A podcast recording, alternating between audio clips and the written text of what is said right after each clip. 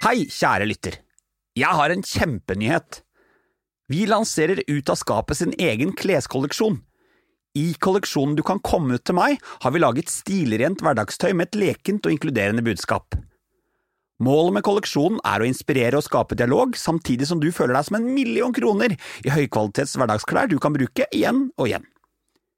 Sjekk ut Ut av skapet sin Instagram-konto for hele kolleksjonen med både hoodies, T-skjorter og morsomme munnbind. Og du, alt overskudd av denne kolleksjonen går til å produsere den nye sesongen av Ut av skapet, så handler du, da bidrar du, og det setter vi enormt pris på. Nå starter podkasten, så kos deg. Hilsen fra Sølve og resten av teamet.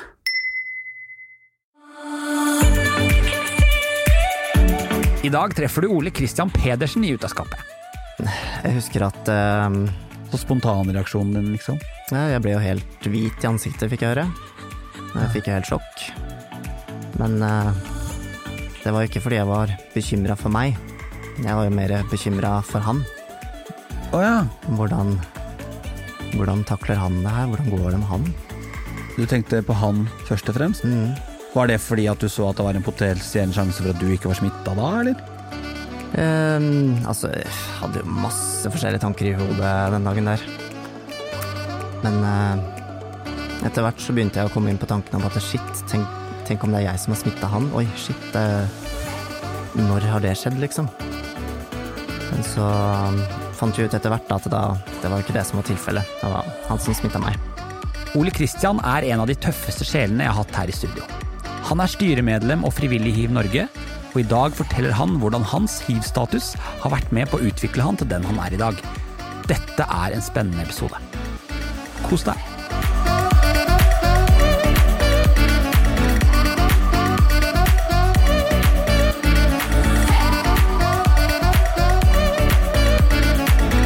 Hei, Hei, du. Så trivelig å ha deg i Ut av skapet. Jo, takk. Godt å være her. Hvordan har du det om dagen? Har det veldig bra. Hadde det Hadde akkurat bursdag. Aha. Mm, jeg husker det i går. Jeg ringte jo deg for en liten prat før intervjuet her i går, og da oppdaget jeg i det sekundet jeg skulle ringe at her er det et lite bursdagsbarn. Yes. Hvordan var dag, ble dagen tilbrakt? Nei, den ble tilbrakt sammen med noen av mine nærmeste venner. Vi spiste kake, var ute på street food og spiste middag. Og så ble det drinks on a Monday. Mandagsdrinks. Oh yes. Er det bedre med drinker på mandager enn på lørdager? Betyr de litt ekstra på mandag? mm, nei, siden det er bursdag, så betyr det jo litt ekstra. Hvordan er det å ja, Jeg er jo en sånn person som egentlig setter litt pris på bursdag, selv om jeg har blitt voksen. Syns du det er kjipere å ha bursdag som voksen, eller har du folk rundt deg som fortsatt sørger for at det blir liksom litt ekstraordinært? Nei, jeg har alltid folk som uh, sørger for at det blir uh, bra. Ja, Ja, det høres skikkelig, det høres skikkelig deilig ut. Jeg er litt uheldig, jeg har bursdag 17. juli, det er midt på sommeren, midt i fellesferien. Du har vært liksom heldig å få tima det rett før folk går i feriemodus. mm, Du, nå er jo du i podkasten Ut av skapet. Ehm, og her skal vi snakke om alt det deilige ved å være skeiv, og masse annet snacks. mm. Jeg lurer på om du kunne fortelle meg litt om miniversjonen av Ole Kristian, som vokste opp i Valdres, som ikke er så langt unna da jeg vokste opp. Ja. Nesten naboer. Obviously nesten naboer. Ja, nei eh, Ble jeg fått Jeg ble født og oppvokst i en eh, liten bygd som heter uh, Bengenadalen. Ah, Mm. Valdres er bare sånn fellesbenevnelse. Ja, så ingen vet hvor Bengenadalen er, men alle vet hvor Valdres er. Uh, nei, så det Barndommen var relativt grei. Um, Var du sånn typisk eh, gutt-gutt, eller hva likte du å holde på med?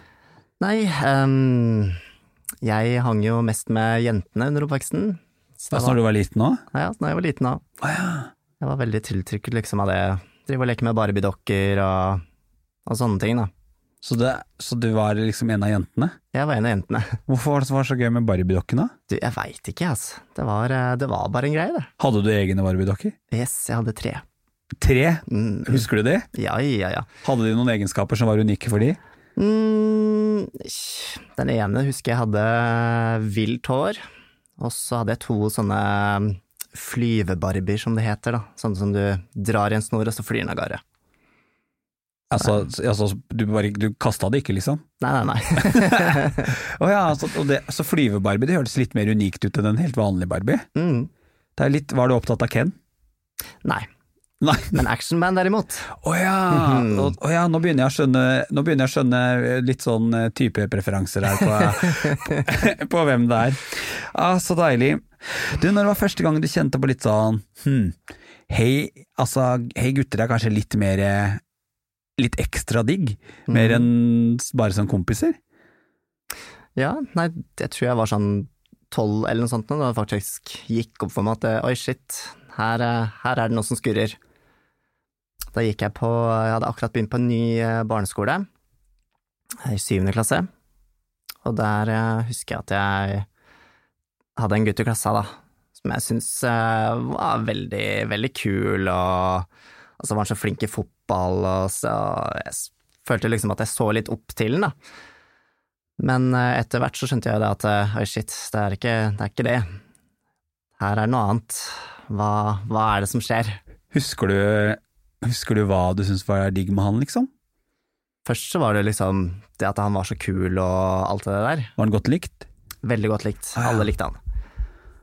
Og så syns jeg vel kanskje at han var eh, litt kjekk, da. Litt kjekk eller veldig kjekk? Veldig kjekk. Og, og sånn typisk, jeg ser for meg litt sånn typisk idrettstalent-type, da, eller? Mm. Ah, var du sånn som eh, Altså, drev du med noe idrett? Eh, Jeg spilte litt fotball på den tida.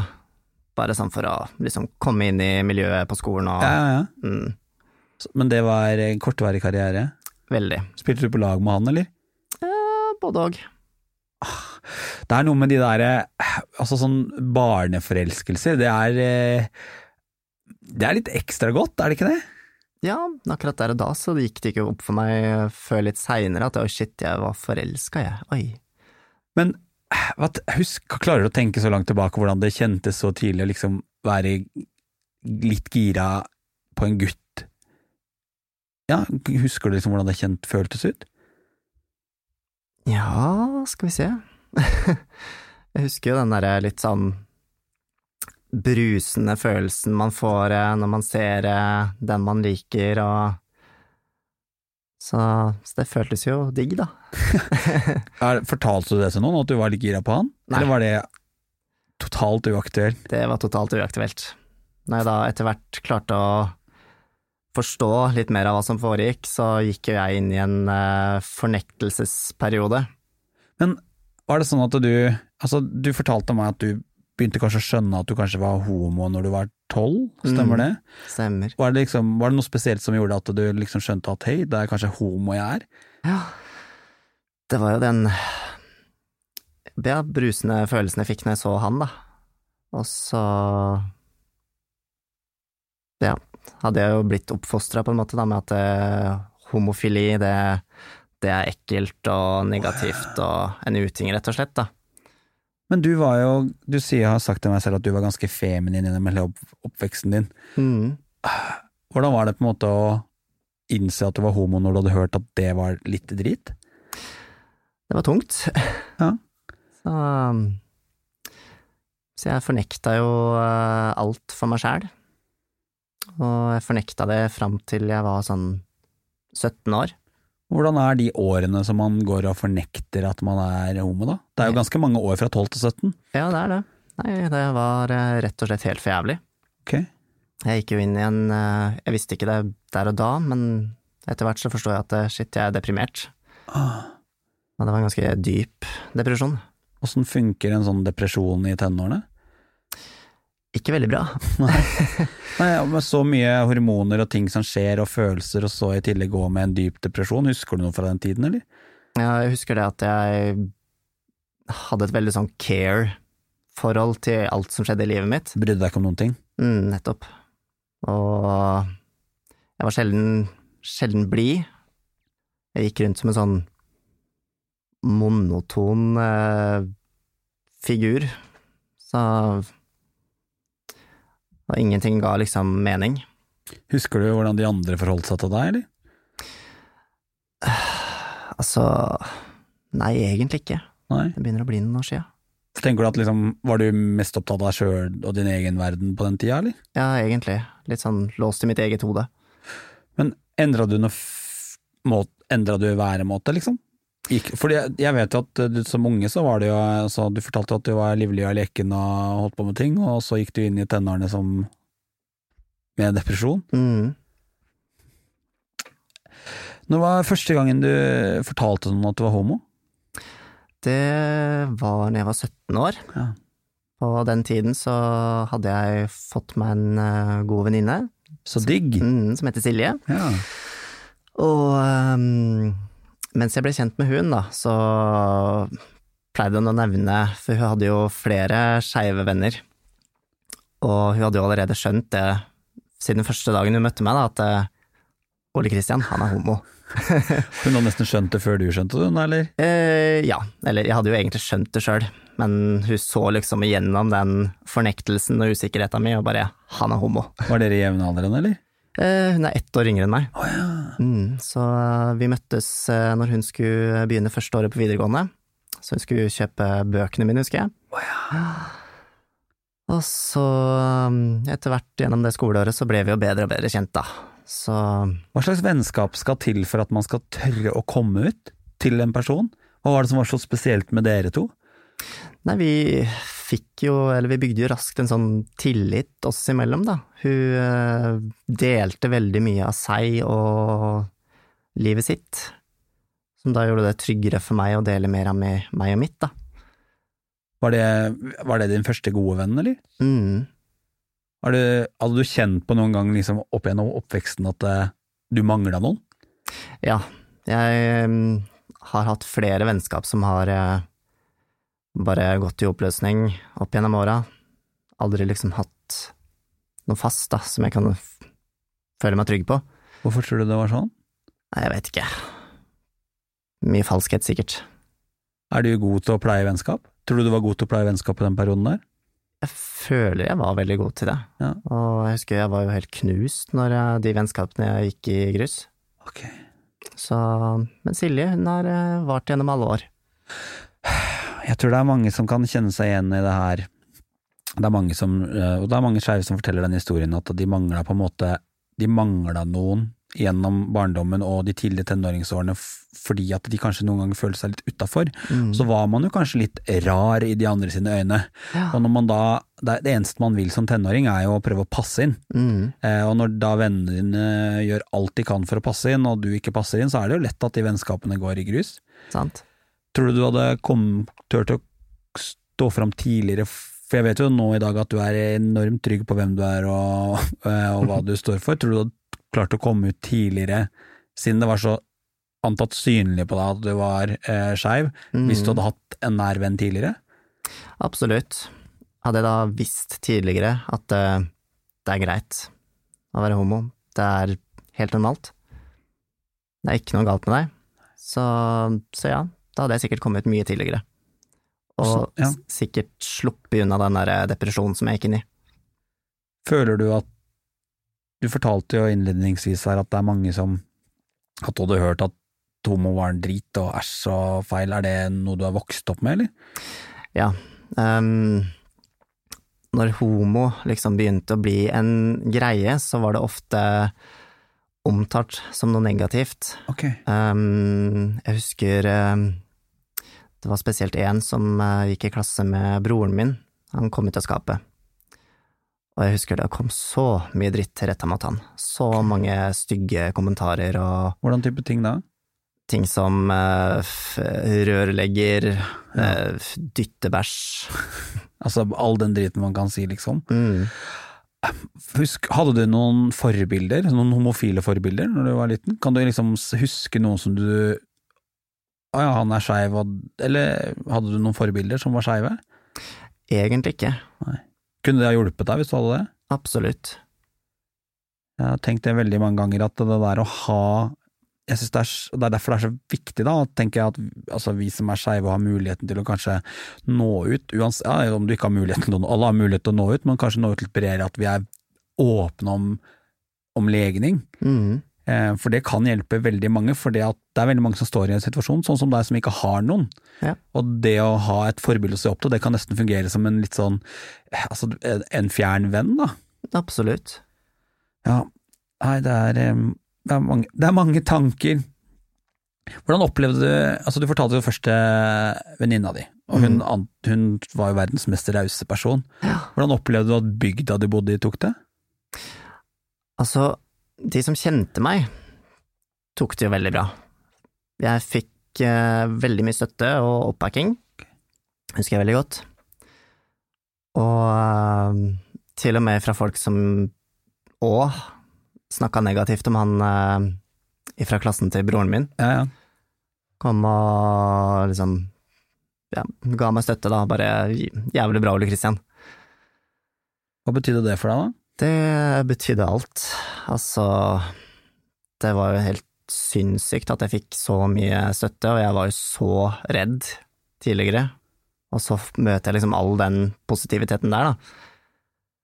Men eh, det var jo liksom i bygda der jeg kom ifra, da. Ja. På den tiden så bodde jeg i en hybel på Fagernes. ja, for du gikk på videregående? Yes. Ja. Og oppi det miljøet der så husker jeg Jeg røyka jo fast på den tida og hang mye på røykeplassen der. Og da husker jeg liksom det at de der gutta som jeg snakka med der, da de trakk seg sakte, men sikkert unna. Ja. Og så var det en hendelse Jeg skulle gå ifra Leira da, og til Fagernes. Så kjører det forbi en eh, russebil, dette var jo russetida, jeg var jo russ selv. Og så får jeg vannballonger på meg og hører jævla homo. ja, for det er et lite bygdemiljø, så alle vet jo hvem alle er. Nettopp. Så Hva, hva tror du er grunnen til at hva, tror du det er, hva er grunnen til at folk gjør sånn? det må jo være dems uh, usikkerhet, tenker jeg. Det Her er det noe ukjent. La oss uh, kaste litt hate på det. Her er jo du, og da var du 18, tenker jeg, er ikke man 18 man er russ? 18-19? Nja, skal vi si, jeg tror jeg var fortsatt Nei, jeg var fortsatt 17. Ja, stemmer. Mm. Sånne situasjoner sånn der, da, kjente du at det var, ble du nervøs av det, eller blir du da litt sånn som, er sånn faktisk, nå skal jeg Jeg tror jeg fikk en mer sånn der fuck you-holdning. Men allikevel, det kjentes jo ikke noe kult. Var du noen gang redd for at noe sånt skulle skje igjen? Nei, egentlig ikke. Nei? For eh, det tok jo ikke lange tida før eh, skoleåret var over. Jeg eh, fikk lærlingplass på Toten og flytta dit, da. Jeg vet at da flytta du til Gjøvik, sant? Ja, eller først eh, Reinsvoll, da, Som er litt utafor Gjøvik. som er litt utafor Gjøvik. Ja. Hvordan er det å Hvordan var det å flytte fra et lite sted til et litt større sted, når du nærma deg Gjøvik og liksom eh, Hva skal man si, er det hovedstaden av Oppland, må si det? ja, vi kan si det. Ja. Ja. Hvordan er det å komme til et litt større sted? Det var helt fantastisk. Ok, hvordan da? Nei, um, før jeg flytta, så hadde jeg jo kommet meg på Gaysir og begynt å snakke litt med folk der, da. Gaysir er da et nettsted for Det er som Facebook for homoer, Ja, og skeive. Mm. Ja. Og eh, der hadde jeg kommet i kontakt med flere som bodde i området, og fått høre om um, noe som het Kafé 1903, som, oh, ja. som da er en sånn derre greie eh, hvor skeive møtes på en avtalt eh, restaurant eller kafé klokka 19.03 hver eh, Jeg lurer på om det var annenhver torsdag eller noe sånt, jeg husker ikke helt, jeg. Hvor man da kunne ja, treffe andre skeive og skape bekjentskaper, da. Hvor viktig Jeg snakket med, i episoden med Ingvild Lennestad, som er leder i FRI, Mm. så sa hun noe av det at noe av det viktigste jobben de gjør, det er å skape møteplasser for skeive. Eh, og hun er jo også personlig ganske opptatt av skeiv distriktspolitikk. Mm. Hvor, viktig var det for deg å få en møteplass hvor du kunne møte andre som deg? Veldig viktig. Eh, Vi hadde jo ikke noe sånt eh, når jeg bodde i Valdres. Der var vi jo en Nei, vent da, skal vi se, to-tre unge skeive eller noe sånt nå. Mm. Men eh, det var jo begrensa på hvor mye kontakt vi hadde. Uh, nei, så det å komme til et sted hvor de faktisk hadde et sånt uh, tilbud, det var jo helt fantastisk. Hva gjør man på sånne 1903-møter? Nei, man møter opp, spiser, skravler, blir kjent. Lærte du noe av de møtene? Jeg føler jo ofte det at når man treffer andre skeive, så kan man plutselig få litt forståelse for hvordan man har hatt det. Ja. Nei, jeg lærte jo det at eh, ja, det er Altså, det er helt vanlig. Var det alle aldre og type mennesker og Alle aldre. Ja. Så det var litt sånn kult. har du, Var det en sånn mulighet til å bygge nye vennskap der, eller? Mm. Har du fortsatt folk fra den tida som du har kontakt med? Ja, flere av de som jeg møtte der, det har jeg kontakt med den dag i dag. Så det har blitt nære venner? Ja, i hvert fall noen av de, da. Jeg vet jo at du eh, eh, Du er utdannet kokk, og mye av det som har flytta deg rundt omkring i det landet, her, det er jo akkurat det at du har vært litt på søken etter jobb. Mm. Um, du fortalte meg at du eh, ved en litt sånn tilfeldighet grunnet jobb havna i Bergen. Ja. Og Bergen er jo, altså hvis Bergen hadde fått velge selv, så hadde Bergen vært hovedstad. Mm. Og i Bergen er det jo et ganske stort skeivt miljø. Hvordan opplevde du å flytte til Bergen? Å komme til Bergen, det var eh, veldig fint. Eh, det var veldig spontant, for jeg søkte jo egentlig bare på jobb der for moro skyld. Um, men jeg rakk aldri liksom å bli kjent med så mange der. Jeg hadde liksom min lille kjerne med venner og kollegaer. Ja. Så det var liksom bare det, og så var jeg ikke der i mer enn litt over et halvt år. Plutselig så endte jeg på Oslo. Ja. Jeg vet at eh, i Bergen så fikk du deg en bekjentskap som har hatt ganske stor påvirkning i livet ditt. Mm. Eh, du fikk det som vi veldig så mange kan eh, kjenne igjen i en fuck buddy, kalte jeg det. Du sa det mye hyggeligere enn friend with benefits. Ja, eller en elsker. Eller en, eller, men, eller en elsker, er det elsker hvis Jeg trodde elsker er noe man har ved siden av et forhold. Oi, det kan hende. er det ikke det? Det visste du aldri. Nei. Um, fortell meg litt om hvordan man liksom hvorfor, Hva er greia med fuckbuddies. Hvorfor har vi det? Nei, altså, jeg tror man skaffer seg en fuckbuddy når man gjerne vil ha noe fast å gå til, men ikke er klar liksom for å investere i et forhold, på en måte. Ja, jeg skjønner. Mm. Og så um, er det jo liksom godt. Det er jo Vi satt og snakket om det litt utenfor studioet her i stad, og ble litt sånn betenkt hvorfor um, Og produsenten her stilte spørsmålet Han hadde ikke helt skjønt dette med fuck buddies. Mm. Han skjønte ikke det. Hvorfor kan man ikke, hvis man har god sex og man liker å være sammen og man bruker tid sammen, hvorfor kan man ikke bare være i et forhold? Og så kaster du ut dette her med commitment issues. Yes. Hva er commitment issues? Jeg mener at commitment issues, det er det når man ikke er klar da, for å gi alt, for å bygge et forhold, på en måte, da. Eller binde seg til noe. Eller tror du Jeg tror kanskje det noen ganger handler om at man kanskje all går og tenker litt for mye på at det kan komme noe bedre. Det òg kan være en mulighet. At man tenker at ok, denne personen er fin, men det kan hende det kommer noen som er enda bedre, og så er man ledd for å låses der, liksom. Mm. Det er eh, Jeg har alltid sett Jeg har alltid liksom uskyldiggjort dette med å ha en fuckbuddy, og har jo hatt eh, mine runder opp igjen, jeg også, men så eh, Og mange av disse har jo vært liksom veldig fine folk, eh, men så føler jeg jo at man har en tendens til å kanskje fucke det opp litt, fordi at det vil jo alltid være følelser i en sånn relasjon. Mm. På en eller annen måte så skal det godt gjøres å ha sex uten at det kommer et snev av følelser i det hele. Altså Sex er jo en veldig sånn personlig ting. Mm. Absolutt. Hvor lenge hadde du relasjon til fuckbuddyen din? Vi har hatt en relasjon ganske lenge, egentlig. Ja. Eh, Så det begynte jo i Bergen, og så fortsatte det litt eh, etter at jeg flytta til Oslo. Flytta han etter, eller?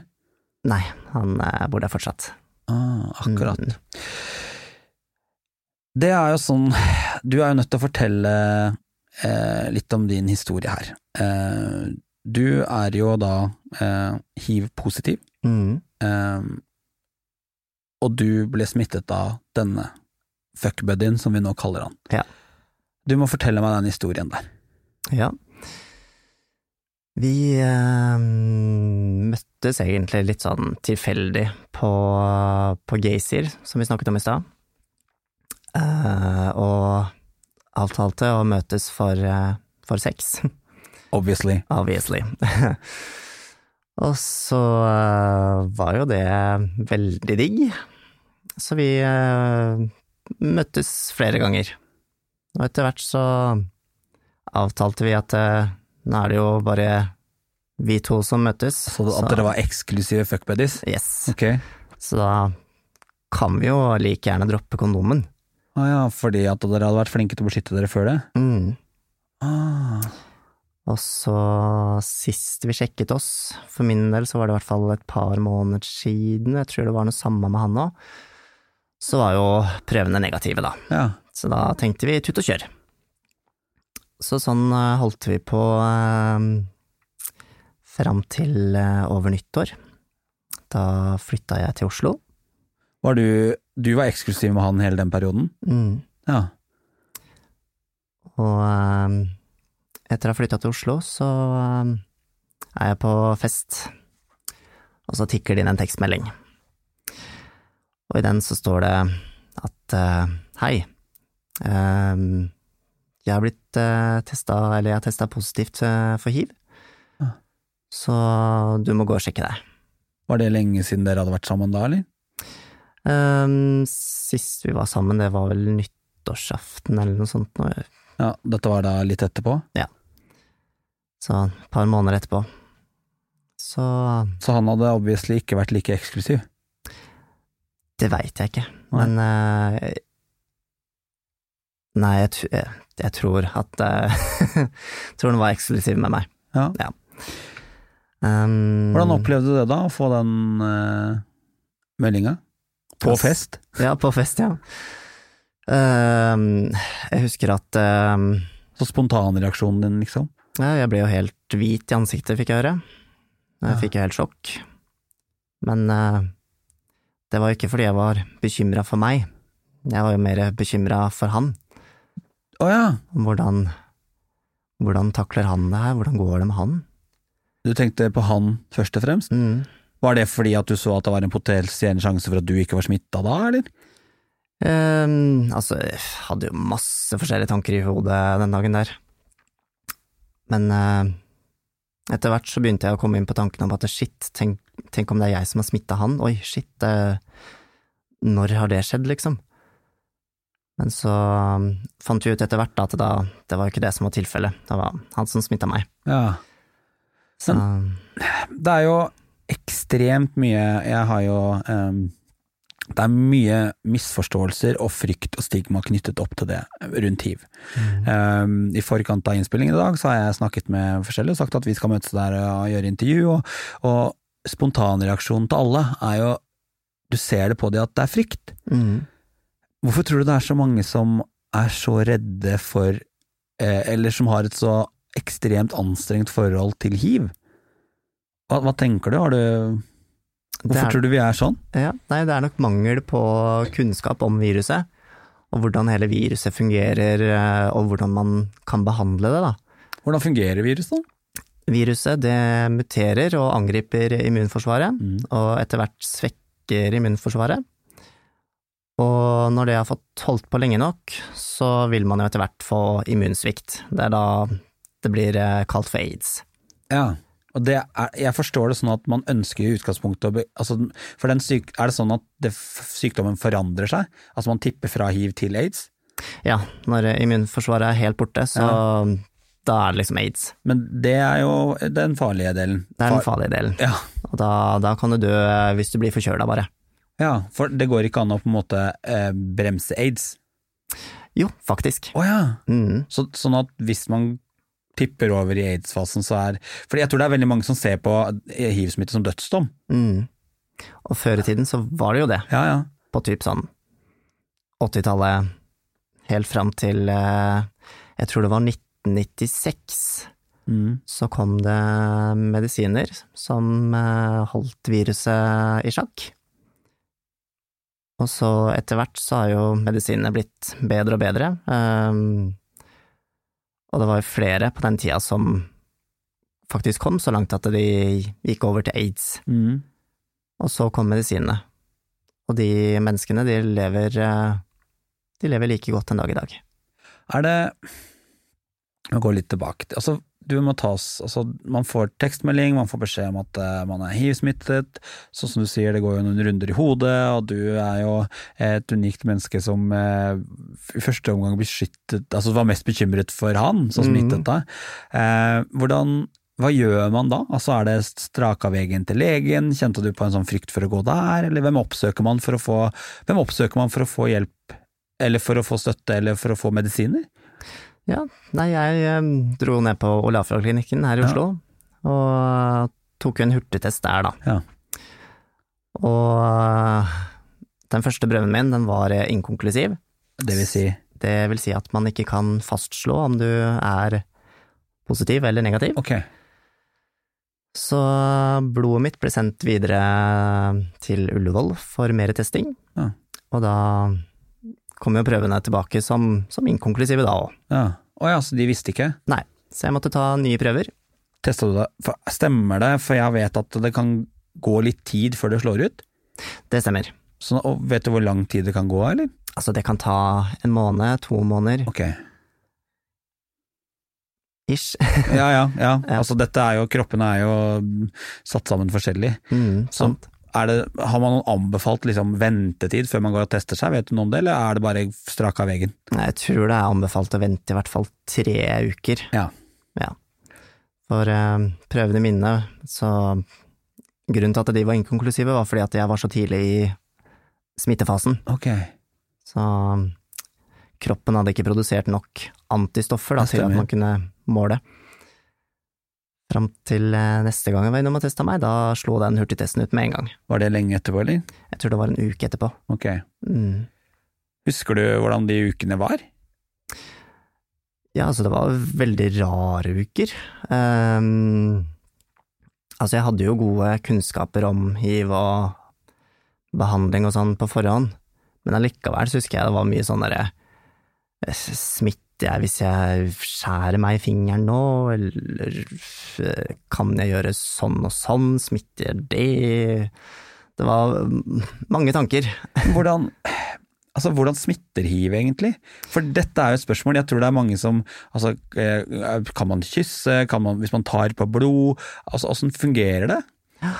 Hiv smitter gjennom eh, direkte blodoverføring. Okay. Så si hvis jeg er ubehandla, da, ja ja.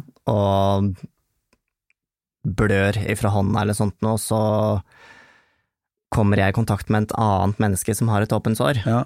Så da blodet mitt går over i det såret, Ja. så smitter det. Og det smitter jo gjennom ubeskytta sex. Ja, og ubeskytta sex er jo hovedårsaken til hiv-smitte, er det ikke det? Ja. Så, så det vil si at alle disse tingene som man eh, altså, det, det er ikke vanlig, man kan ikke smitte ved, altså ved Det er ikke vanlig dråpesmitte, det er bare blod. Blod og andre kropps... eller kjønnsvæsker, tror jeg det heter. Ja.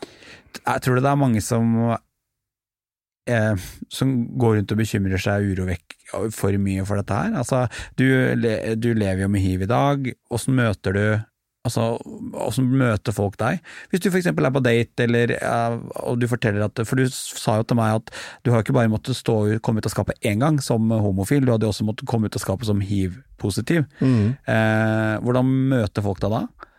Altså, jeg har blitt møtt med veldig mye sånn forståelse og nysgjerrighet, egentlig, og det er en fin måte for meg å formidle da, den kunnskapen som jeg sitter med, om at eh, så lenge jeg går på medisiner, så kan jeg ikke smitte deg, Nei. Selv om jeg vil. Ja, ja, nei, det er ikke mulig. det er ikke mulig. Så det er eh, en veldig sånn betryggende ting å vite, da. Tror du folk stoler på det? Eller opplever du at folk blir veldig skeptiske? Nei, jeg tror de fleste stoler på det. Ja. Eh, Jeg har vet, møtt veldig lite skeptis, eller skepsis. Hvis folk eh, Hva er det folk spør deg om, da? Nei, det er alt mulig rart, liksom. Ja, åssen funker det, og, og nå er jeg verken noen lege eller noen medisinteknikker, Nei, nei. så forklarelsen min er liksom at eh, medisinene holder viruset i sjakk og gjør at eh, jeg ikke kan smitte.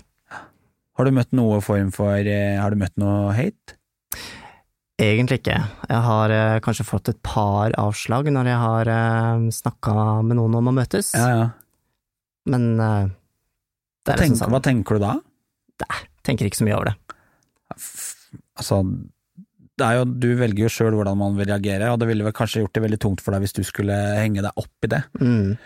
Hvorfor har det vært så viktig for deg å være åpen om at du er hiv-positiv? Uh, nei, jeg valgte å være åpen uh, med min status, uh, fordi at jeg savna flere forbilder som var åpne med hiv. Så, så jeg tenkte at da har jeg en mulighet nå til å bruke noe som mange vil si er en negativ ting, da, gjøre det om, no, gjøre det om til en positiv ting, da. Ja, ja, ja. Mm. Har du opplevd at noen har på en måte Tør folk å liksom approache deg og være sånn du, takk for det du gjør, eller? Mm. Flere ganger. Både av kjente og ukjente, for så vidt. Ja, ja. Mm. Hva er det Hva er det folk sier for noe da?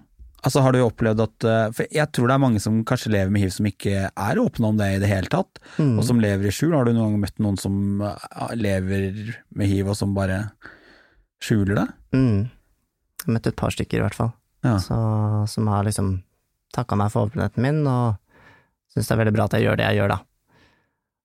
Og eh, det er liksom godt da å se at det, det går an å ha det så bra, da, selv om man lever med hiv.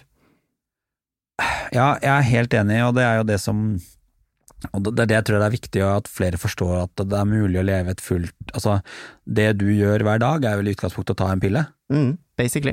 og, og det er det jo veldig mye annet man kan ta en pille for også. Mm. Eh, og det er det som kanskje er den største påvirkningen eh, som du merker i dag. Eh, jeg lurer litt på det. Hvordan er det å ha en partner som har hiv? Altså, du sier jo nå at det er trygt. Er det noen spesielle hensyn man må ta? For det, man vil jo ha sex. Mm. Altså, sex er jo noe av det deiligste med å være i et forhold.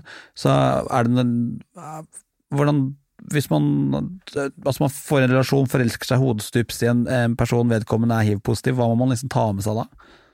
Ingenting, egentlig. Nei. Det er, eh, blir akkurat det samme som å ha en partner som ikke har hiv. Så lenge den personen går på behandling, tar medisinen sine hver dag, så er det bare å gønne på, Som vanlig. som vanlig. Tror du det er mange som ikke skjønner det? Det er nok en del som ikke skjønner det, så det er derfor det er så viktig for oss å formidle det, da. Hvordan er kunnskapen rundt omkring hos leger? Altså, vi snakker jo om eh, farge, Synet til mange på hiv er nok farget av hiv-epidemien. Mm. Spesielt kanskje generasjonen over oss, for de har jo ikke eh, fått med seg noe annet enn eh, død og fordervelse fra den perioden. Sant? Hvordan opplever du at man blir møtt i helsevesenet? Har du noen anbefalinger, kanskje, hvor man skal gå hen? Tror du det er lønnsomt å gå til noen som er gode på sex og helse, eller kan man bare møte hos fastlegen sin? Har du vært borti folk som ikke blir møtt på en god måte? Eh, jeg har ikke vært borti noen sånne, nei, dessverre. Um, jeg har jo gått til Ullevål Ja. helt siden jeg fikk eh, statusen min. Ja, ja, ja. Og der har jeg fått eh, veldig bra oppfølging, og legene der oppe de har utrolig mye gode kunnskaper. Ah, så digg. Mm, Føler du deg trygg da, eller? veldig trygg. Har det vært viktig for deg å bli møtt på en god måte av helsevesenet? Absolutt. Hva har helsevesenet gjort for deg i den prosessen her? De har jo virkelig stilt opp og svart på alle spørsmål jeg har hatt. Så ja. Er det en trygghet å ha noen å Altså, har du dårlige dager? Har du dager som du tenker sånn Hvorfor skjedde dette med meg? Nei. jeg hadde litt i startfasen, men det var jo litt mer den derre ok, dette her er noe helt nytt, um, hva nå? Ja. Så du for deg, trodde du kanskje at du måtte forandre livet ditt, eller? Kanskje litt, men uh, jeg ser jo det den dag i dag, at jeg, jeg har ikke gjort noen særlige forandringer, annet enn at jeg har uh, begynt liksom den der reisen for uh, å være åpen og Har det vært tøft å være åpen? Nei, um, det har egentlig vært veldig givende. Kult. Veldig godt. Hvordan da? Ja, altså, jeg har um, Føler jeg liksom har vokst veldig på den reisen der, og jeg har fått så mye bra positive tilbakemeldinger. Uh, jeg har fått møtt så mye kule folk. I fjor, for eksempel, så sto jeg på um, standen til Hiv Norge på Pride Park, og da kom eh, kronprinsparet på besøk. Det var uh... Blei du starstruck? Ja, en smule. altså, det er lov å innrømme det. Når krumpen og krumpa kommer, da blir man jo litt sånn Yes. Nei, så det var kjempegøy. Snakka du med dem? Um, Lite grann. Husker du hva de lurte på? Alle vil vite det. Nei, jeg var litt opptatt av å bare se på krumpen, jeg. Du tenkte at du skulle oppføre deg ordentlig. Ja, så jeg sto der og bare mm. Tenker du at Altså, du er jo nå det forbildet som du etterlyste, på mange måter. Eh, og du er jo et forbilde, eh, selvfølgelig Altså, du er jo et forbilde i eh, Hva skal man si, i hiv-perspektiv. Mm. er det sånn at Føler du deg alene? Er du det eneste forbildet? Fordi jeg gjorde jo litt research for å finne noen, og jeg Mm. fant jo bare deg. Det er jo ikke veldig mange. Har dere hvem, Har du noen du kan konferere med, prate med? Ja? Ja, altså I Hiv Norge så har vi flere som eh, er det man kaller for likepersoner. Ok, hva betyr det? Det er eh, mennesker som eh, lever med hiv, som gjerne kan stille opp for en liten prat. Så jeg er jo en av de, da. Men vi har, har flere. Og flere av de har jo også vært ute i media tidligere. Eh, blant annet eh, Eller jeg skal kanskje ikke nevne navn. Nei, jeg gjør ikke det. Jeg trenger ikke å nevne navn. Nei, vi har i hvert fall eh, flere som har eh, stilt, Stilt opp i media. stilt opp i media. Ja. Huff a meg. Nei da, så um, man må bare kontakte Hiv Norge, og så dukker det alltids opp noen. For det er jo sånn at man blir møtt på en veldig god måte hvis man tar kontakt med Hiv Norge. Mm, og de har vel mest sannsynlig en enormt god forståelse for alle de tingene som kan skje i hodet Mm, i en sånn prosess. Er det noen Hvis man trenger bare noen å prate med, enten om det, det kan være Det kan jo sikkert også Jeg regner med at dere også prater for pårørende og ektefeller og samboere og hele pakka. mm. Hvordan man, kommer man i kontakt med Hiv Norge? Hva er det enkleste? Det er bare å ringe inn, egentlig. Eh, numrene står på nettsidene til hivnorge.no. Eh, så er det bare å forklare ståa. Det eh, hei, jeg er enten pårørende, Ja, eller jeg har akkurat blitt smitta med hiv, kan jeg få snakke med noen? Hva prater man om da? Alt mulig rart. Ja. alt som har liksom enten med hiv å gjøre, eller man kan snakke om eh, Netflix. Ja, ja, ja. Det er jo kanskje bare godt å prate med noen eh, som du vet at eh, som vet at det vet også, så man kan senke, senke skuldrene litt. Mm.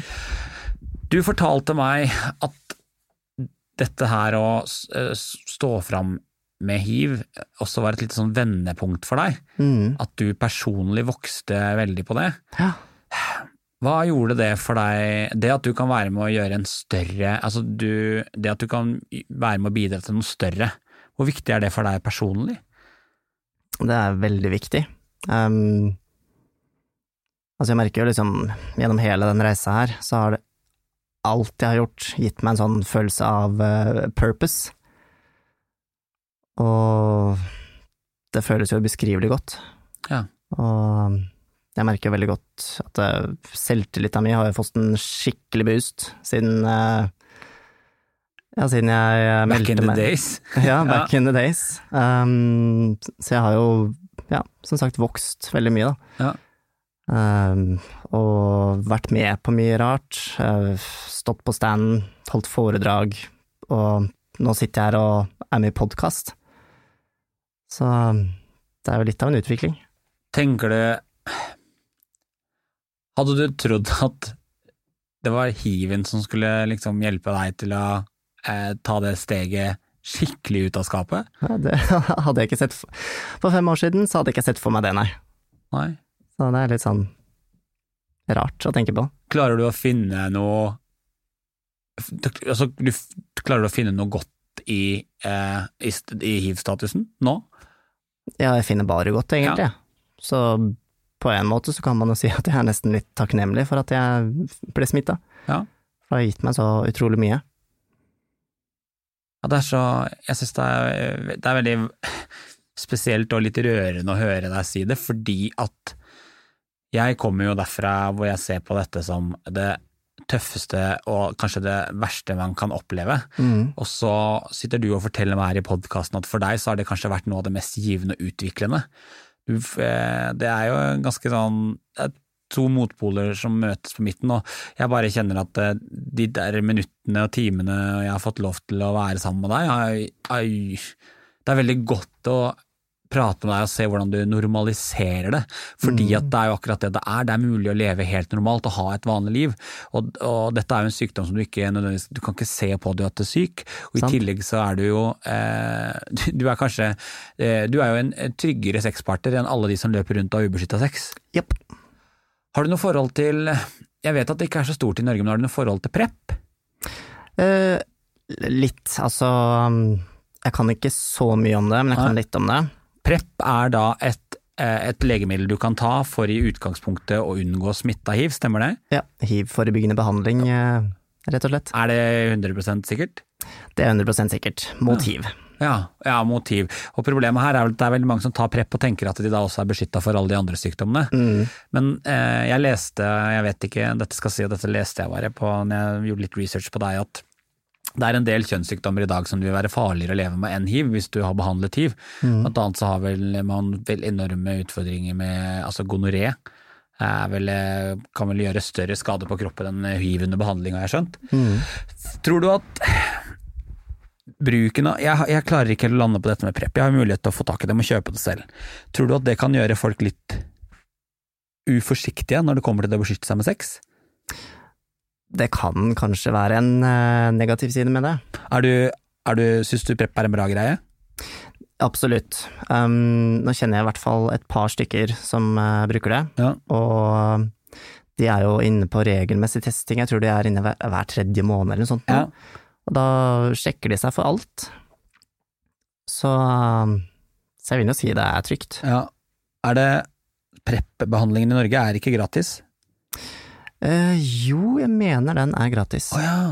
Ja, den er det. Jeg bare Jeg har ikke som homo fått noe beskjed om det. Ah, Så jeg, for tidligere så tror jeg jeg måtte betale dette selv. Jøss. Jeg, jeg, jeg husker ikke, jeg er litt usikker. Jeg, har, jeg blir dratt sånn, dratt sånn i alle retninger med, dette her, eh, med dette prep-behandlingen. Jeg var så redd for at jeg, hvis jeg skulle begynt på det, at man hadde blitt litt mer uforsiktig, skjønner du hva jeg mener? For det er jo veldig lett å bare si ha det til hiv og si hei til alt det andre. Sant? Så den generelle oppfordringen er vel, og det er vel fortsatt sånn at kondomer er mest safe, Mm, og er en fordel å forholde seg til. absolutt. Er du sånn øh, øh, Er du sånn eh, beskyttelsesforkjemper? Snakker dere mye om det å bruke beskyttelse? Mm, Ja, altså vi er jo veldig for at alle skal bruke beskyttelse, Ja. og når vi står på stand og sånn, så har vi alltids klar kondomer med, med glid, Ja. som vi deler ut. Og det er jo Så jeg tror mange, altså nå kan jo jeg bare snakke som homo, men vi er forferdelig dårlige til å beskytte oss noen ganger. mm, Og vi jeg, jeg tror det er på en måte Du kan ikke gå rundt og frykte sykdom og ha ubeskytta sex samtidig. sant. Det er eh, litt sånn god dag mann, økseskaft-holdning. Veldig. Åh, det her var en skikkelig fin prat, Ole Kristian. Mm, Du er så behagelig å ha med, og det er så deilig å se hvor, eh, hvor avslappa du er. Jeg håper så inderlig at alle de som hører på dette her, klarer å liksom ta med seg den derre eh, Ta med seg den derre viben din. Er det noe sånn Avslutningsmessig i denne, disse podkastene så pleier jeg alltid å spørre de som er gjester, om de har et godt råd de vil gi til lytterne mm. og ta, som kanskje du kan ta med deg fra denne praten. Er det noe du tenker at disse lytterne skal ta med seg videre etter, eh, etter det vi har prata om i dag? Har du et Mm, godt råd? Absolutt. Spør, og lytt. Ja. Da vil du lære masse. For det er ikke noen dumme spørsmål. Nei. Og du får gode svar. Mm. Ja, det syns jeg er eh, kjempefint. Og da, hvordan kan man få tak i deg, da? Nei, du kan få tak i meg gjennom eh, Instagram. Ole Kristian eh, understrek. Jeg legger eh, informasjon i episodeinfoen på denne du hører på nå. Kult. Og man kan òg nå meg gjennom eh, å kontakte Hiv Norge. Du er, eh, altså, du er tilgjengelig begge steder? Ja. Jeg vil bare anbefale dere å benytte dere av den muligheten hvis dere har det. Jeg vet at Ole Kristian er et eh, veldig eh, flott menneske å prate med, og han kommer til å svare godt på alle de gode spørsmålene. Du Ole Kristian, takk for at du hadde lyst til å være med ut av skapet. Jo, takk for at jeg fikk være med. Det skulle bare mangle. Det var en fantastisk god prat. Ha en fin dag. Jo, takk det samme. Takk for at du hører på podkasten Ut av skapet. Det betyr mye for mange. Informasjon om dagens gjest finner du i episodebeskrivelsen. Sjekk alltid ut fine folk på sosiale medier. Denne podkasten er helt avhengig av deg, så er du glad i Ut av skapet, del om du lytter, og rate oss gjerne der du kan rate podkast. Jeg gleder meg skikkelig til nye skeive historier neste uke. Vi høres!